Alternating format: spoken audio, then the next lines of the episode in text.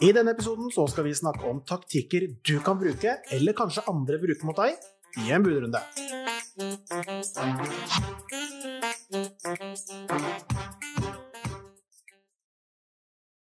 Og nå, Hans Christian, til de som lytter på vi, Nå skal jeg stille deg noen eh, spørsmål, for vi skal snakke litt budrundetaktikker. Mm. Så vi skal ta noen eksempler. Eh, null forberedt, ikke sant? Enig? Mm. Ja. Mm. Fordi budrunden er jo ikke alltid lett. Det er sånn, Skal man legge 100 000 under? 10 000 over? Hva skal man gjøre når det budet kommer inn? Mm. Det er jo ikke noe fasit på noen ting. Absolutt ikke. Um, jeg har vært på visning, og du skal hjelpe meg i en budrunde. Mm. Det er uh, meg og en annen på visning. Megleren ringer, boligen ligger til fire millioner. Og så sier han andre megleren han andre er interessert, men han kommer ikke med noe bud akkurat nå. Han venter eh, på gjerdet, han også. Mm. Og det samme gjør jeg. Mm. Ok, så tenker jeg ja, vi er to stykker, boligen koster fire. Hvor begynner jeg å legge bud? For jeg har lyst på boligen. Kjempelyst på den. Mm. Og jeg har finansiering til 4-3. Mm. Det vet selvfølgelig ikke den andre megleren. Hvor begynner jeg da? Jeg tenker jo, Det er jo noen som sier at du må legge inn et høyt bud for å skremme. Og vi kan jo si som meglere at legger du et lavt bud, så åpner det opp for budrunden. Men jeg tror ikke at det er så tilfeldig at folk plutselig velger å kjøpe seg bolig. Eh, Så jeg tror jo at hvis den andre interessenten er interessert og er villig til å betale 4,3, så gjør han det uansett om du begynner på 3,5 eller om du begynner på 4,2. Det er fire, fire millioner koster boligen. Jeg hadde finansiering på 4-3. Ja, men, eh, men hvis han Ja. andre begynner òg har finansiering på 4,3 Ja, okay, greit. Ja. Så uansett om ditt bud er 4,2 eller 3,5, Mm. så tror jeg at han andre, hvis han er villig til å betale 4,3, så gjør han det uavhengig av din taktikk. Og jeg tenker, Det første du må avklare, det er jo om det er andre interessenter. Mm. Og det får du med å legge inn et bud. For hvis du byr fire millioner, og den andre uansett ikke har kommet og bydd, eh, så har jo du kanskje betalt for mye. Yes, Eh, Og det skal man ikke gjøre. det er helt riktig. Så jeg tenker jo kanskje at jeg har lagt inn et bud på 3,5 der. Mm. For jeg tenker at hvis han andre er så forbarska interessert, hvorfor byr ikke han da? For det er jo sånn at eh, hvis du er interessert i en bolig, så byr du. Så jeg tenker at jeg ville ha latt formiddagen gå lagt inn et bud på 3,5 hvis jeg har lyst til å kjøpe det. Ja. Så da legger jeg inn et bud på 3,5. Ja. Eh, klokka er nå 11. Ja. Eh, det er bare meg som har lagt inn bud. Ja. Og nå er klokka halv 12, og det er det eneste budet på 3,5. Mm. Han andre kommer ikke med noe bud, og budet mitt blir avslått. Ja. Og da har man jo avklart at den andre personen ikke vil gi konkurranse. Og så har man lagt et så lavt bud at man har posisjoner- posisjonert, posisjonert seg i forhold til det å skal forhandle. Ja. For 3,5 er jo en invitasjon til forhandlingsbordet. Yes. Ikke sant? Da kommer selgeren inn med, med sin kaffekopp, og så kommer du som kjøper inn med din kaffekopp. Så sitter han, tviholder på fire, og du sitter på andre sida og tviholder på 3,5. Mm. Det er liksom casen. Mm. Det er ingen andre der. Nei. Så nå er det dere to. Så får du et avslag.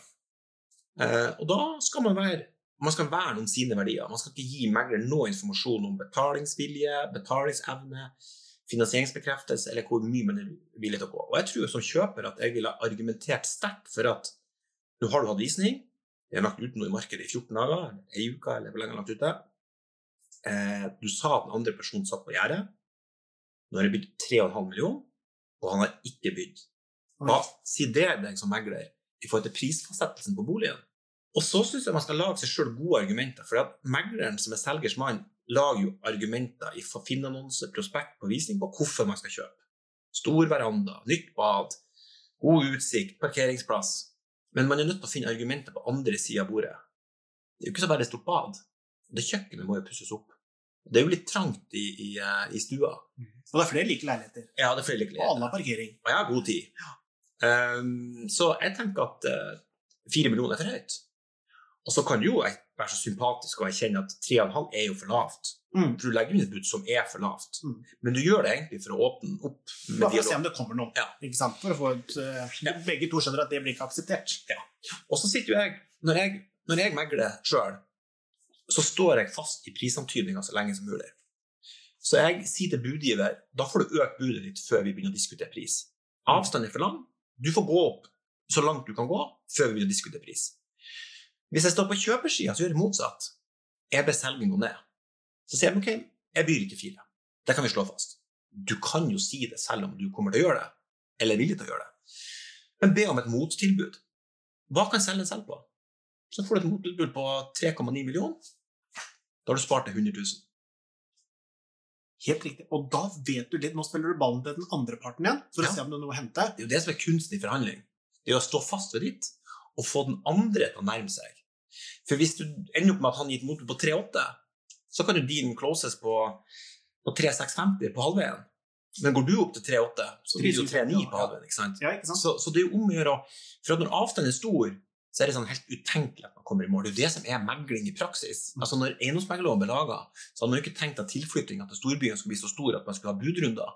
Megling var jo å ha sitte med to parter og lage en avtale som begge er sånn Faen at jeg ikke fikk mer. Eller fanker, nå har jeg betalt for mye. Ja, nå er dere litt sur begge, og da er jeg fornøyd. Ja, og det er sånn, det, Da møtes man midt på. Ja. Den ene er litt sånn mis, litt misfornøyd, den andre er eh, litt misfornøyd andre veien igjen. for kan late som han er misfornøyd. Ja, i hvert fall som det. Ja. Og så kan det jo tenkes at, at de hadde vært fornøyd med 3-7, men de, de legger den ut på 4 for å se om det er en dott som kommer og betaler 4 millioner. Mm. Det kan jo at de har en erkjennelse på forhånd. Det var en, en forhandlingspris. Helt klart. Ja. Skal vi ta et, et annet eksempel? Eh, det er visning. Bolig til 5 millioner. Eh, det er meg og tre andre på visningen. Og rett etter visningen er ferdig, eh, bare et par timer etterpå, så kommer det inn et bud på 5,2. 200 000 over prisantydning rett etter visning. Mm. Hva sier dere da? At det er noen som er veldig interessert. Ja, åpenbart. Ja. Eh, men du må jo, du må jo alltid Men det er jeg òg, for det boligen er egentlig priset litt for lavt. Ja, og, og det er klart det er jo det vi gjør. Altså når, vi, når jeg rådgir kundene mine når de skal kjøpe, så er jo akkurat prisfastsettelsen, altså det å, å gjøre en vurdering av prisfastsettelsen nøkkel til hvilke råd man skal gi videre i budrunden til interessenten. For hvis prisfastsettelsen helt åpenbart er for lav, så må man egentlig bare se bort ifra den. Da kunne utgangsprisen ha vært null kroner, som på en auksjon. Ja. For da er den bare tøvete. Um, og hvis prisantydninga er åpenbart for høy, så må man også si det til budgiveren at, eh, eller interessenten at den her er for høy, vi må bare ha is i magen for å forhandle den prisen. Uh, Så, så, så man må jo danse et bilde av hva man syns den er verdt sjøl. Og så vil jo også andre For vi kan jo ikke fri oss fra tanken om at det er andre her på jord. Eh, og det er jo ikke noe fastpris. Så det er klart man må jo forholde seg til andres betalingsvilje. Det er jo det som er så kjipt i en budrunde, at uansett hvilken strategi man velger, så kan man jo ikke styre mot budgivers eh, pengebok. Det kan ikke. Nei. Så, så med et bud på 5-2 så signaliserer jo det at det er en person som, som eh, er interessert i eiendommen. Men det er klart, det kan jo være at han tenker at det her kommer til å gå høyt, og jeg har bare 5,2. Det var, det var min neste yes, Nå tenkte jeg tok til tankene mine. Ja. At han bare ok, vet du hva, jeg skal ha den. Går det ikke, så går det ikke. Jeg begynner der. Så, så, så, og det er jo ikke noe og det er jo ikke sikkert det er det, men, men og det er jo det man ikke vet. Det er jo hver enkelt budgivers privilegium å sitte, ha de kortene tett til brystet. Så, så jeg, jeg tenker jo at eh, jeg vil jo ikke gå gått opp til 5,5 bare for å ha gjort det. For hvis 5,2 var grensa, så hiver man jo 300 000 over til selgeren sånn uten videre, og det syns jeg ikke man skal gjøre. Ja, Med mindre man er, om ikke man er lottomillionær, så ville man ikke gjort det. Men eh, skal vi ta en annen en? Det er eh, 15 på visning. Leiligheten står til 2 millioner. Nå er vi i mitt sted, nå er det litt, vi litt lavere prissikte. Mm. 2 millioner, 20 stykker på visning. Det kommer et bud. Dagen etter eh, visninga, altså klokka ni på morgenen, så kommer første budet på 1,8. Mm. Eh, det, er du, det er det jeg som legger inn, og så kommer ett over meg, som legger inn 10 000 over. Mm. Så Den kom, irriterende budgiveren. det er den irriterende budgiveren. Og så legger jeg 1,9, og så legger han i 1,910. Mm. Så legger jeg 2, og så legger han 2,10. Mm. Hva gjør vi med en sånn en? Hva tenker han? Som tar hele tiden 10 000 over. Han prøver vel å fortelle den andre budgiveren at jeg er med uansett, Mm. men jeg vil ikke betale for mye. Men bare fortsett, du. Men jeg skal fortsatt gi 10 000 mer. Så det kan jo være en sånn psykologistrategi, en sånn, en sånn strategi som skal psyke ut motstanden i budrunden, der budgiveren skal liksom trekke seg. Men jeg tror man bare skal fortsette opp dit man har tenkt å sette grensa. Eller så kan man jo gjøre igjen, da. 220. Ja. Bare, bare fortsette. Eller, eller gjør det enda verre. 2 millioner 21? En- en- to- to- to millioner 11? Ja, 2 millioner 11. Tusenlapp opp. Da tror jeg det hadde blitt så irritert som selger at jeg bare hadde akseptert han under. Ja, kanskje. Ja. Ja. kanskje. Han som begynte. Har du noen gang hørt noen i en forhandling si 'det her er siste budet mitt', take it or leave it? Ja, ja, det sier de jo alltid. Ja, Og det sier jeg òg. Ja. Du må jo si det. ja du må si det. Du kan ikke si sånn at jeg byr 1,9, men eh, jeg, jeg har 100 000 til å gå på. Ja. Da er du idiot. Ikke sant? Så du, du må som budgiver gi et bud som om at det er det siste budet. Hva er en vanlig mm, budrundetaktikk? Hvem syns du er den vanligste, da? Si det sånn. Um, det er jo mange som går tøft ut og skal skremme motstanderen. Mhm. Går høyt ut og, Ja, over prisantydning med en gang? ja, og øker kraftig. Det er jo en sånn taktikk, da. Ja. Der man skal skremme de andre interessentene. Jeg har en liten sånn, jeg har liksom tenkt det, men jeg har, jeg har en liten tanke om at høye startbud er også en sånn akselerasjon. Altså det går en inflasjon i store bud. da. Ja. Så hvis du legger inn et bud på prisantydning er fem, og det kommer på fem-fire, så fem-åtte, seks-to, og så man mister helt hodet. Ja, ja. For at hodet, budene blir så store at folk bare hiver seg over det her. Det blir ikke sånn i Grønland, altså, men ja. Ja, nei, men, men, men nå er sikkert andre enn folk fra Grenland som skal sitte, au, Ja. sitte og høre på det her. ja. Men du er sikkert andre fra Grenland som skal sitte og høre på det her. ja, det håper jeg. Ja, eh, så, så, eh, så jeg tror kanskje at man av og til mister litt hodet. Mm. Mm. At pengene liksom ikke blir verdt noe. Og så kanskje signaliserer man at det her er en veldig så Med et høyt startbud Mm. så forteller man resten at det her er altfor lav priser. Det er en utrolig attraktiv eiendom.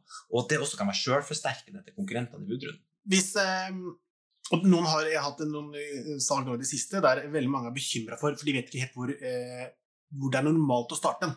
Si du har en eh, bolig til eh, 3,5 millioner, Mm. så starter det ofte på 2728.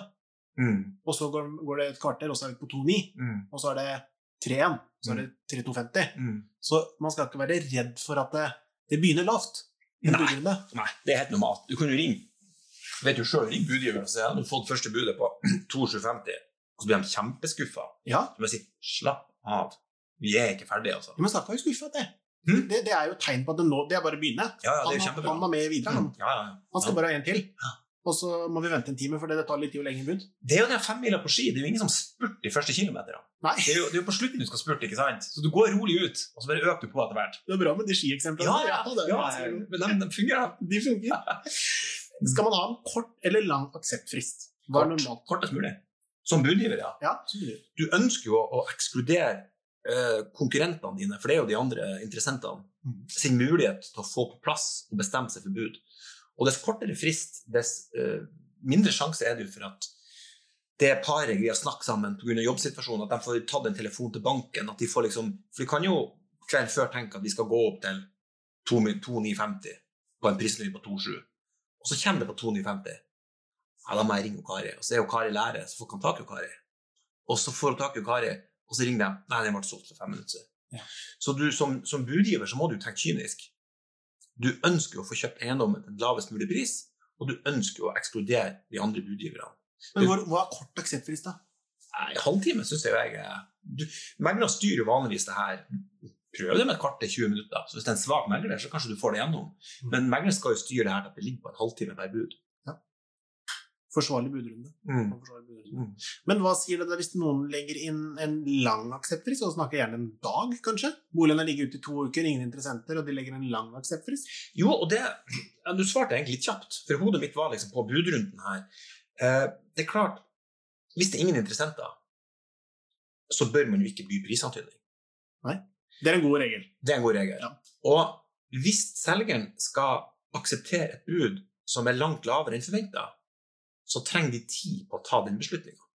Så hvis det ligger uten en eiendom til 3 millioner, og du byr 2,5 med en halvtimes frist, så tenk at det er litt nytteløst, for han må rekke å få bud og bli skuffa og bli litt provosert, og så blir det nei. I affekt. Men det er klart, når dagen har gått, og han får snakka med megler, det er ingen andre som kommer med bud, Kommer hjem fra jobb og snakker Ja. litt. Ja. og liksom faen, har Gitte blitt ferdig med det her? Nå overtar vi jo boligen om 14 dager, og du snakker i banken, og det blir liksom dobbel finansiering og, og litt ekstra lån, så du betaler strøm på begge, og kommunale avgifter og forsikring. Æsj, kanskje det hadde vært greit å bare bli kvitt den? Det glemmer man litt i budrunde. Altså, det der å sitte på to boliger, Ja. det koster. ja. Og, og da er ikke 10 20 30 000 i, en budrunde mye.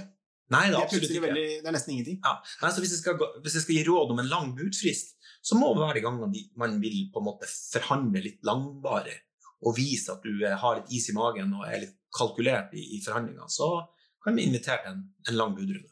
Mm. Røyk selgeren sakte ut. Røyken ut, ja. Mm. ja.